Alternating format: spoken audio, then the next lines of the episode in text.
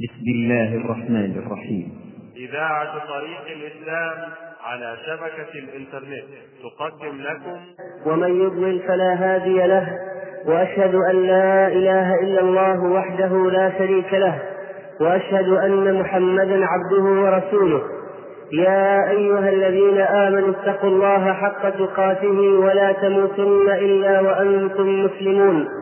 يا أيها الناس اتقوا ربكم الذي خلقكم من نفس واحدة وخلق منها زوجها وبث منهما رجالا كثيرا ونساء واتقوا الله الذي تساءلون به والأرحام إن الله كان عليكم رقيبا يا أيها الذين آمنوا اتقوا الله وقولوا قولا سديدا يصلح لكم أعمالكم ويغفر لكم ذنوبكم ومن يطع الله ورسوله فقد فاز فوزا عظيما. أما بعد فإن أصدق الحديث كتاب الله وخير الهدي هدي محمد صلى الله عليه وسلم وشر الأمور محدثاتها وكل محدثة بدعة وكل بدعة ضلالة وكل ضلالة في النار.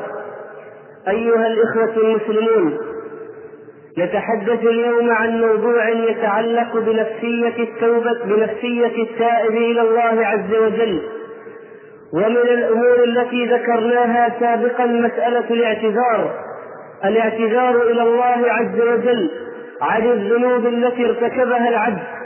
وها هنا أيها الإخوة مزلق عظيم يقع فيه كثير من الناس.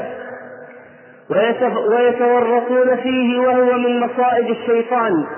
وذلك أن أحدهم إذا جاء ليعتذر إلى ربه عن الذنوب والسيئات التي ارتكبها فإنه يعتذر إليه بالقدر يعتذر إلى ربه اعتذار المخاصم واعتذار الذي كأنه يقول لست أنا الذي أخطأت ولست أنا الذي أذنبت وإنما أنت الذي قدرت علي هذا الذنب وأنت الذي اجبرتني أجبرتني على فعله.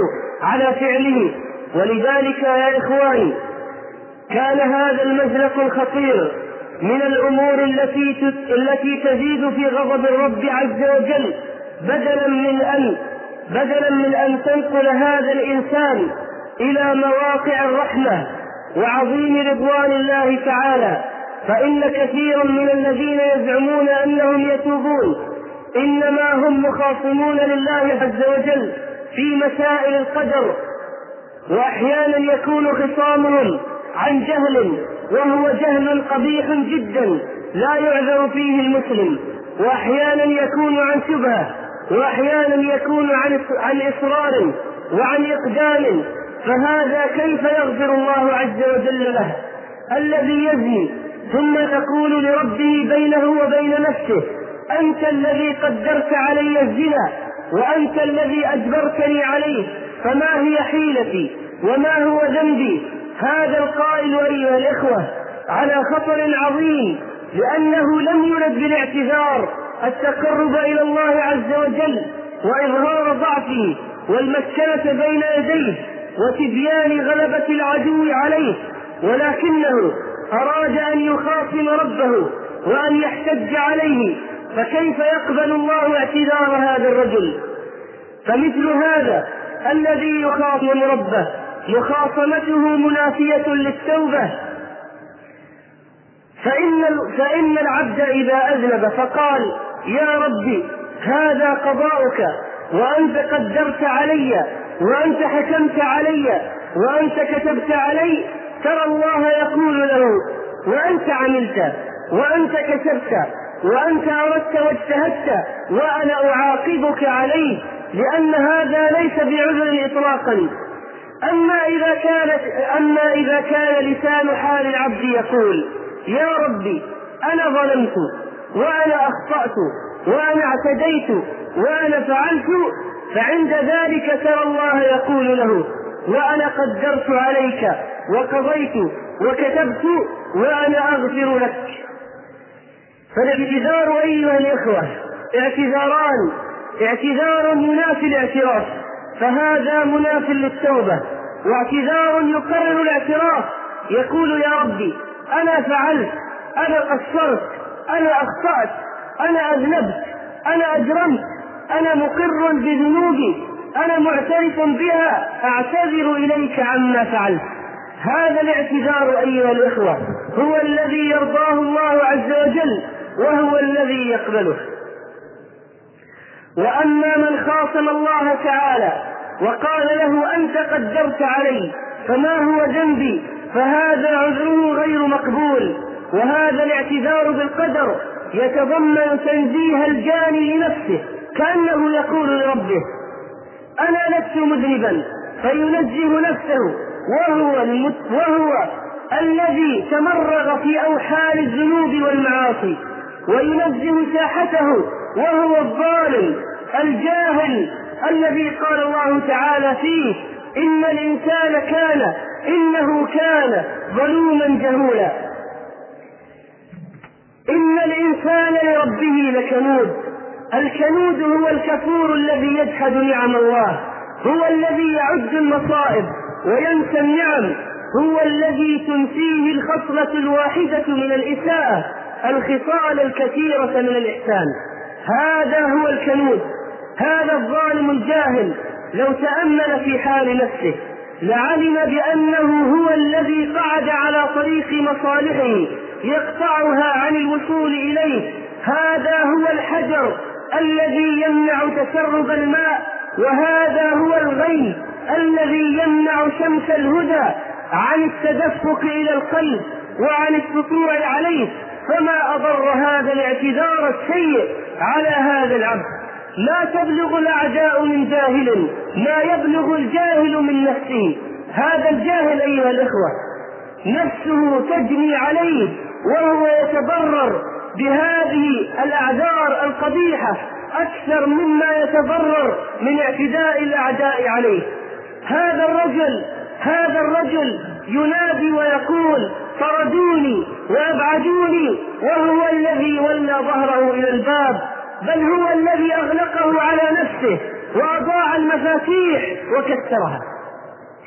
هذا الرجل الذي يعتذر بالقدر يقول الله أنت قدرت علي أنا ليس لي حيلة.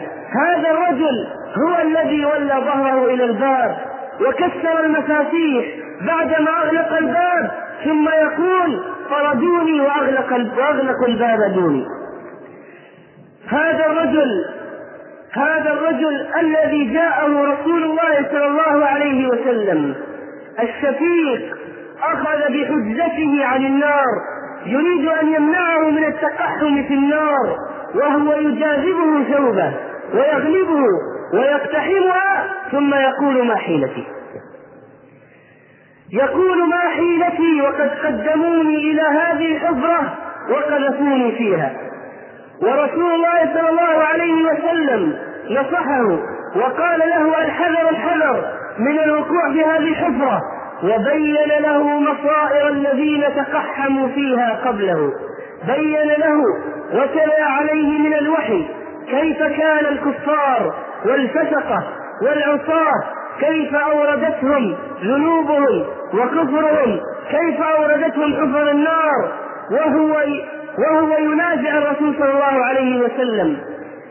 الذي يريد أن يمنعه من جهنم ينازعه ويتقحم في النار ثم ثم يقول هو الذي قذفني فيها. كيف عقلية هذا الرجل؟ يا ويله ضميرا للشيطان على ربه. خصما لله مع نفسه. عاجز الرأي مضياع لفرصته معاتب لأقدار ربه. يحتج على ربه بما لا يقبله من عبده وأمته. لو أن إنسانا أيها الإخوة قال لأحد أولاده ائتني بكأس من الماء. أو قال لزوجته ائتني بالحاجة الفلانية. ثم أن هذا الولد أو هذه المرأة عصت هذا الرجل ورفضت الانقياد له وهذا الولد لم يأتي لأبيه بالكوب من الماء. فلما غضب أبوه عليه وقال له لماذا امتنعت؟ فقال الولد هذا قدر الله والله قدر علي أن لا أطيعك وأن لا آتيك بالكأس من الماء. ماذا ترى هذا الأب يفعل؟ هل يرضى بهذا العذر السخيف من الولد؟ أم تراه يقوم إليه معاقبا وعلى رأسه ضاربا ومهددا ومتوعدا بهذا العذر السخيف؟ فكيف يرضى هذا الرجل أن يعذر نفسه بأعذار لا يقبلها من زوجته ولا ولده. فلو أمر أحدهم بأمر ففرط فيه أو نهاه عن شيء فارتكبه وقال هذا المذنب القدر ساقني إلى ذلك لما قبل منه هذه الحجة. ولبادر إلى عقوبته المدير إذا تسبب أحد الموظفين في خسارة فلما ناقشه قال له الموظف هذا القدر ألجأني إلى هذا الشيء وأنا ليس لي ذنب فيه. هل يرضى المدير من الموظف بهذا العذر؟ كلا. إذا لماذا يعتذر ويحتج أولئك الفسقة العصاة إلى ربهم بهذه الأعذار؟ ويقول أحدهم أنا ليس لي حيلة أنا ليس لي مهرب أنت الذي قدرت علي. وهذا مع تواتر إحسان الله إلى هذا العبد. أحسن إليك أشد الإحسان. أزاح عللك. ومكنك من التزود إلى جنته. بعث إليك الدليل الرسل. وأعطاك مؤونة السفر. زودك بالتوجيهات القرآنية والنبوية. وأعطاك ما تحارب به قطاع الطريق من الأبارسة وشياطين الإنس الذين يوقعونك في المعاصي. أعطاك ما تعت... ما تحت... ما تح... أعطاك ما تحذر منهم. أعطاك الأدوات التي تحاربهم بها. أعطاك السمع والبصر والفؤاد. وعرفك الخير والشر والنافع والضار وأرسل إليك رسوله وأنزل إليك كتابه ويسره للذكر والفهم والعمل وأعانك بمدد من جنده الكرام من الملائكة يثبتونك ويحرسونك ويحاربون عدوك ويطردونه عنك وهذه من وظيفة الملائكة ويريدون منك ألا تميل إليه إلى هذا العدو ولا تصالحه. وأنت تأبى إلا مظاهرة هذا العدو عليهم. واتباع طريق الشيطان وموالاته دونهم. بل تظاهره وتواليه دون وليك الحق الذي هو أولى بك. لماذا طرد الله إبليس من سمائه؟ ولماذا حرمه الجنة؟ لماذا أيها الإخوة؟ لماذا طرد الله إبليس عن سمائه؟ ولماذا أخرجه من جنته وأبعده عن قربه؟ لماذا فعل الله بإبليس هذا؟ لماذا؟ لأنه رفض أن يسجد لك أنت أيها الإنسان. لكرامتك عند الله طرد إبليس من أجلك لأنه لم يسجد لك واحتقرك. وامتهنك وقال أنا خير منه. خلقتني من نار وخلقته من طين. من أجلك أنت طرد الله إبليس عن سمائه وأخرجه من جنته. ثم أنت توالي هذا الشيطان وتسير في ركابه وتسلك طريقه معاديا ربك الذي أكرمك أنت بطرد إبليس. وبعد ذلك وبعدما توالي هذا العدو وتميل إليه وتصالحه تتظلم وتشتكي بالطرد والإبعاد. أمرك الله بشكره لا لحاجته إليك ولكن لتنال أنت المزيد من فضله. فجعلت كفر نعم الله والاستعانة بها على مساخطه من أكبر أسباب زوال النعم. وأمرك الله بذكره ليحسن إليك بالثواب فجعلت نسيان الله تعالى ديدنك فجعلت الله ينساك نسوا الله فنسيهم. أيها الإخوة إن هذا الرجل لا يصلح على عافية ولا على ابتلاء فالعافية تسبب الزيادة في المعاصي. وكفران النعمة. والابتلاء يجعل الإنسان يشتكي إلى الخلق. يشتكي إلى الخلق ويقول ربي أهانني. دعاك إلى بابه فما وقفت عليه ولا طرقته ثم فتحه لك فما عرجت عليه ولا ولدته. أرسل إليك رسوله يدعوك إلى دار كرامته فعصيت الرسول وقلت لا أبيع ناجزا بغائب ولا نقدا بنسيئة خذ ما رأيت ودع شيئا سمعت به في طلعة الشمس ما يغنيك عن زحل. هذا لسان حال العصاة. يقول آخذ النعيم الذي أراه الآن أمامي. لا أنتظر النعيم الآخر المؤجل الغائب عن نظري. أنا أريد هذا النعيم. إذا وافق حظ هذا الإنسان طاعة الرسول أطاعه. لا طاعة وحبا في رسول الله ولكن ليحصل على مبتغاه. ومع ذلك فإن الله تعالى لم يؤيسك من رحمته بل قال متى جئتني قبلتك؟ إن أتيتني ليلا قبلتك وإن أتيتني نهارا قبلتك. وإن تقربت مني شبرا تقربت منك ذراعا. وإن تقربت مني ذراعا تقربت منك باعا. وإن مشيت إلي هرولت إليك. ولو لقيتني بقراب الأرض خطايا ثم لقيتني لا تشرك بي شيئا أتيتك بقرابها مغفرة.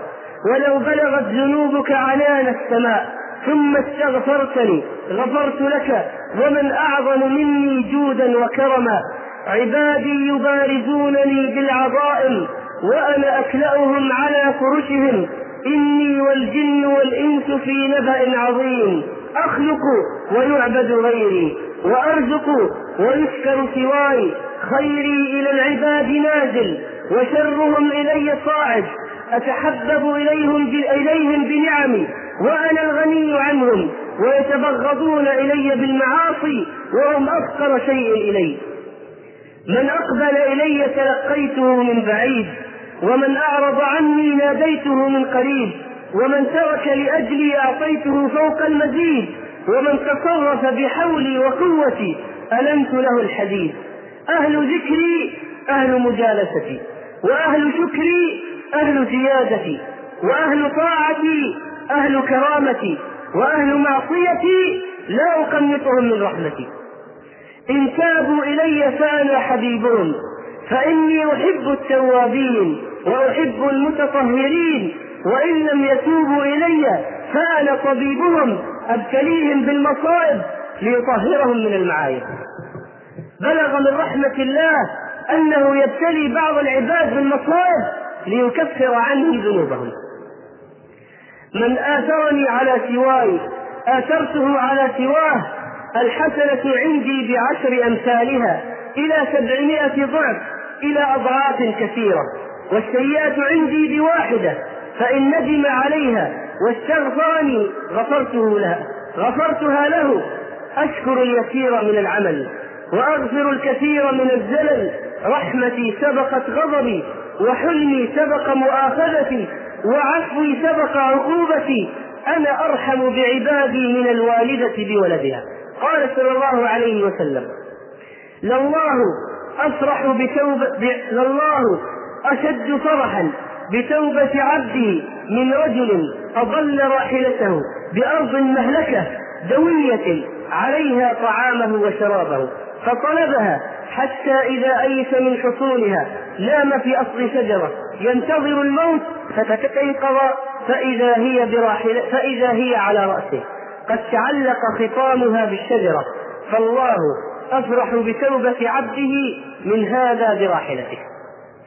أيها الإخوة ما حال كثير من الناس اليوم الذين يعذرون أنفسهم الذين يعذرون أنفسهم بذنوبهم ويخاصمون الله تعالى.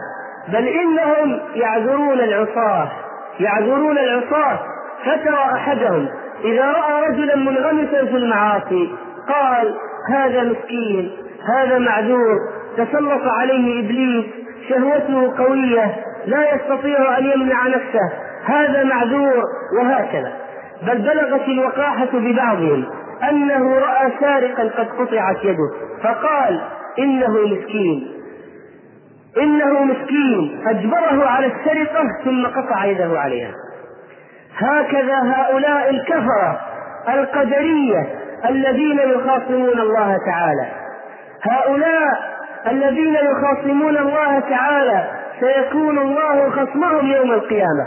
واعلموا أيها الإخوة أن التركيز على هذا الموضوع من الأهمية بمكان لأنه وللأسف الشديد قد تطرق الخلل إلى عقيدة كثير من العامة في هذا الأمر. كثير من العامة إذا جئت تناقشهم يقول هذا قدر الله ماذا أفعل. هذا كتبه الله علي ما هو ما هي حيلتي وما هو ذنبي. هذا الخلل أيها الإخوة خطير جدا في العقيدة. هذا الخلل قد ينقلك من حظيرة الإسلام إلى دائرة الشرك والكفر. هذا الخلل هذا الخلل العظيم الذي ينبغي الانتباه إليه اليوم كثيرا. وينبغي لدعاة الإسلام أن يتحسسوا مواطنه في قلوب الناس ويزيلوا عن أعينهم هذه الأغشية من الشبهات ويوضحوا عقيدة أهل السنة والجماعة في القضاء والقدر إيضاحا شافيا كافيا للناس إن الله أعطانا الإرادة وسهل لنا سبيل الخير وأنزل علينا الكتب وأرسل إلينا الرسل وقال فأما من أعطى واتقى وصدق بالحسنى فسنيسره لليسرى. وأما من بخل واستغنى وكذب بالحسنى فسنيسره للعسرى. وهديناه النجدين جعلنا الله وإياكم من أهل طاعته وأهل طريق الخير وطريق السعادة ونسأله أن ييسرنا لليسرى وصلى الله على نبينا محمد.